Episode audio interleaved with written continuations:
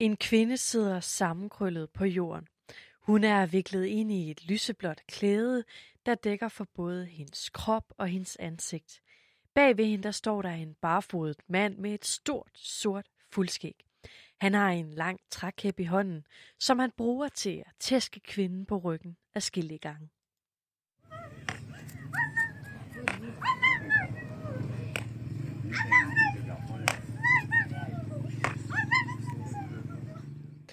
En video af kvinden, der bliver tortureret, spiller igen og igen i afghanske medier. Manden med kæppen, han er talibaner, og grunden til, at han torturerer kvinden, er, at hun har været sin mand utro.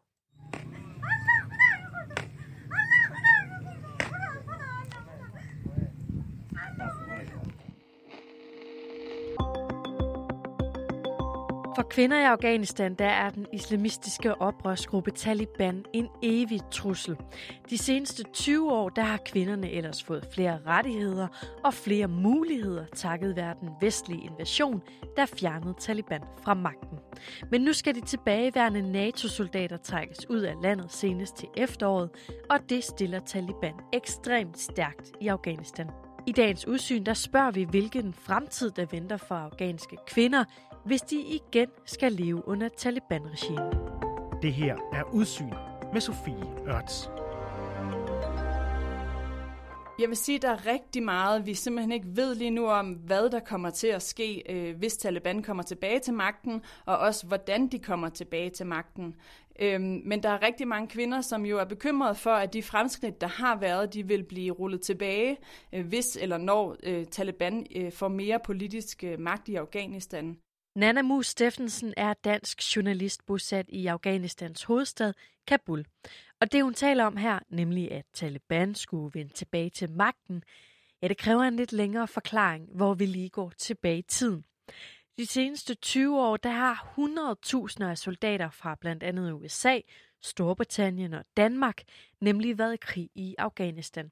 Det har de med formålet om at fange den mand, der stod bag en episode, som du med garanti kender til. This is CNN breaking news.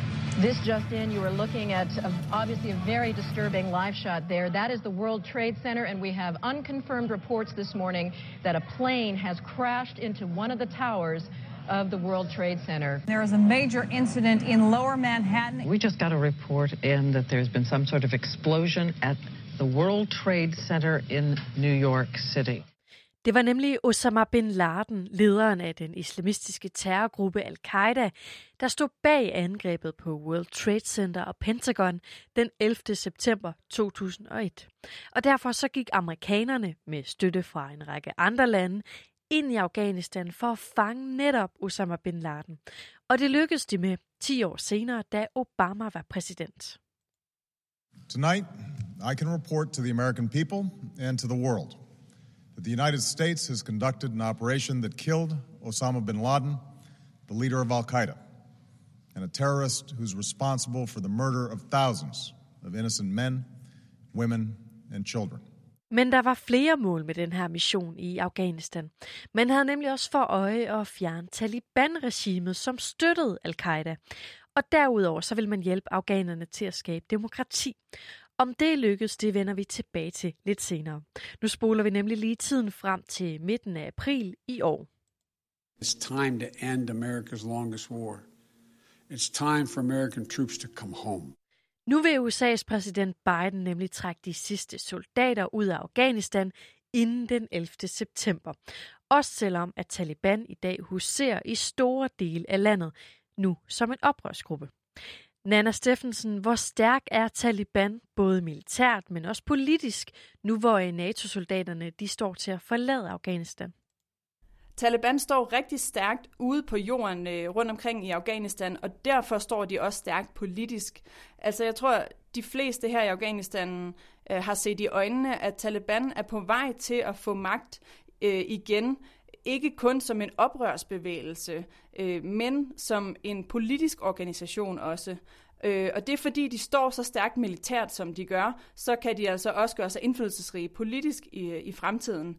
Den afghanske her er meget bedre, end den var for 20 år siden, men den er stadig utrolig øh, afhængig af at få hjælp fra amerikanske fly, som smider bomber, når de kommer i kamp med Taliban, øh, og også fra amerikanske elitesoldater, som, som hjælper dem på operationer. Øh, hvis de afghanske soldater ikke får den hjælp, øh, så kan det sagtens være, at de ikke længere kan beskytte øh, nogle af de byer rundt omkring i landet, som allerede i dag er sådan stort set omgivet af, af, omringet af Taliban. Og Nana, hvordan har lokalbefolkningen så taget imod den her besked om, at de sidste soldater, de nu er på vej ud af Afghanistan?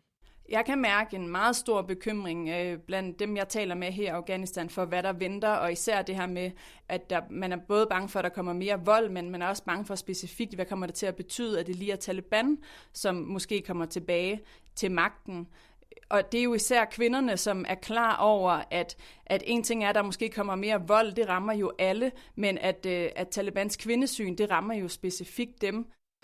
Afghanistan er flere gange blevet udpeget til at være et af de værste lande i verden for kvinder. Men over de seneste to årtier, der har kvinderne i landet altså alligevel opnået bedre livsvilkår og flere rettigheder. I dag er der langt færre kvinder, som dør under graviditeten eller fødslen, øh, fordi de har fået bedre adgang til sundhedsydelser, øh, og også fordi både mænd og kvinder øh, ved mere om sygdommen og, og fordele ved at gå til lægen. Øh, og så er lægerne og sygeplejerskerne bedre uddannet simpelthen, end de var før. Og prøv at uddybe, hvad det er, som de vestlige lande sådan mere specifikt har gjort for at forbedre sundheden for øh, afghanske kvinder. Ja, man har blandt andet bygget en masse sundhedsklinikker, som gør, at, øh, at det simpelthen er kortere fra der, hvor øh, kvinder bor med deres familier hen til, øh, hen til en læge. Fordi det, der stadigvæk er situationen i Afghanistan i dag, øh, selvom det måske er lidt bedre, men så er det stadigvæk øh, realiteten, at mange kvinder, øh, især ude på landet, øh, må helst ikke øh, forlade hjemmet uden at have en mand med sig. Øh, og så kan det være ret problematisk, hvis der er langt hen til en sundhedsklinik. Så det, at man simpelthen har lavet flere af dem ude rundt omkring i landet, det gør, det meget lettere for kvinder at komme til lægen.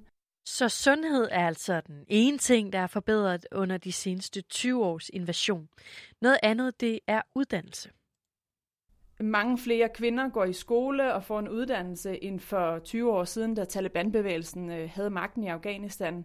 Øh, flere kvinder går på arbejde, og selvom der stadig er øh, mange familier, øh, hvor mænd ikke tillader det, så er der stadigvæk øh, flere kvinder, der går på arbejde og deltager i, i, i livet i samfundet.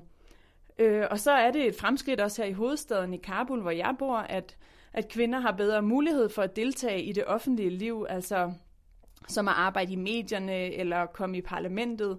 Øh, de oplever godt nok øh, meget modstand stadig, og det er allermest her i hovedstaden Kabul, at, at man mærker det, men det er stadig et, et stort fremskridt. Så i dag er der altså både kvinder i Afghanistan, der har oplevet at få ændret sit liv under krigen. Men der er altså også unge kvinder, som aldrig har levet under Taliban-regime og frygter at komme til det. Og jeg oplever både, at kvinder, som har levet under Taliban, men også den yngre generation, som, øh, som er vokset op under de her seneste 20 års krig, som ikke selv har levet under Taliban, de har udmærket godt hørt om dem.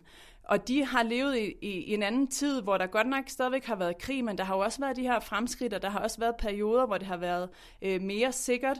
Øh, sikkerhedssituationen har været bedre. De har oplevet at komme i skole, de har oplevet at have fremtidsdrømme, ligesom øh, alle vi andre, og gå på universitetet, og, og have de her øh, drømme om et altså ligesom øh, som mange unge i Danmark måske også har, ikke? Øh, og for dem, der virker det jo fuldstændig absurd, og når de ser på videoer og hører fra deres forældre om, hvordan Taliban var i gamle dage, at det måske skulle være på vej tilbage.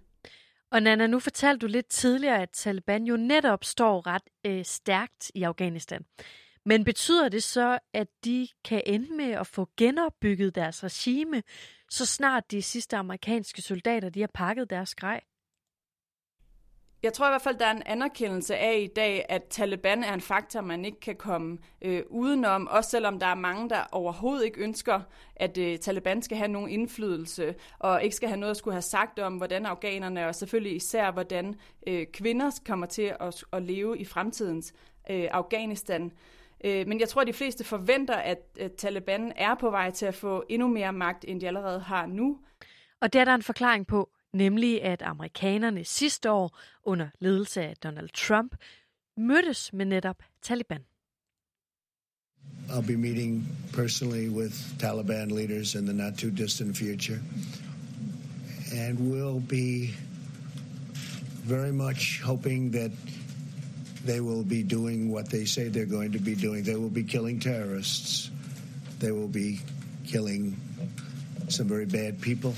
På mødet der krævede Taliban, at alle NATO-styrker de skulle være ude af Afghanistan senest i april.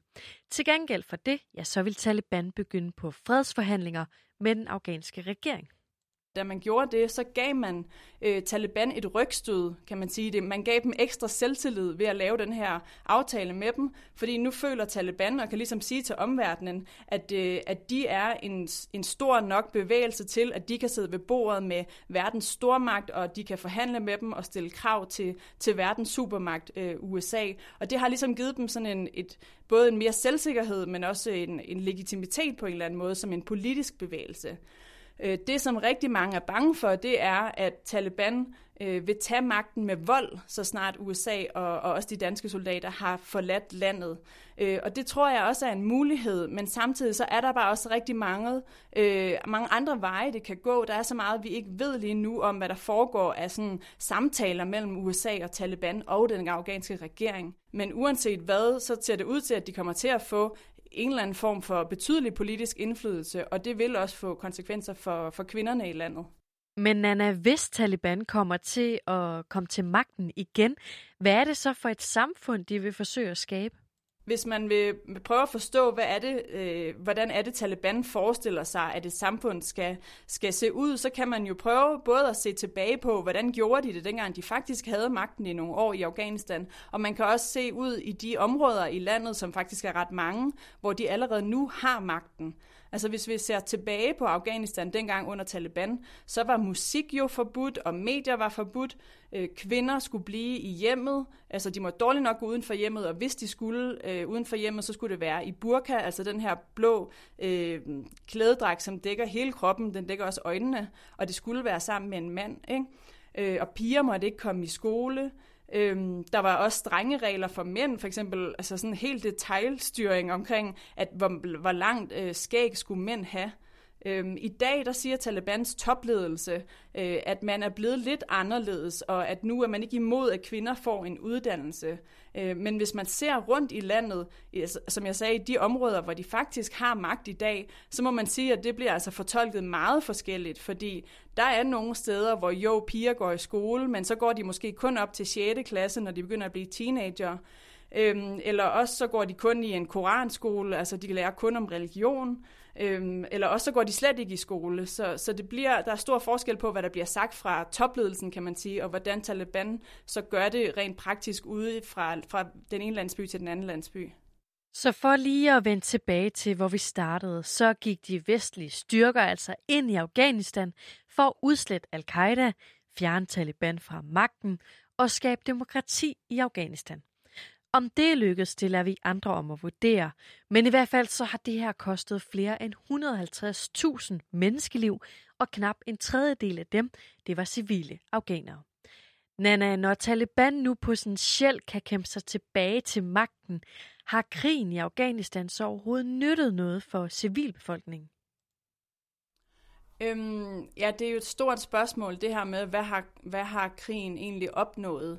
Øh, når jeg taler med afghanske kvinder, øh, også dem, som er, som er kede af, at, øh, at USA nu er kommet med den her udmelding om, at man forlader landet, så øh, siger de øh, ret klart, at, at de har oplevet en kæmpestor øh, forandring, også selvom afghanske kvinder i dag virkelig oplever meget øh, undertrykkelse og, og forskelsbehandling i forhold til mænd, så siger de til mig, at, at der har virkelig været en øh, stor forskel.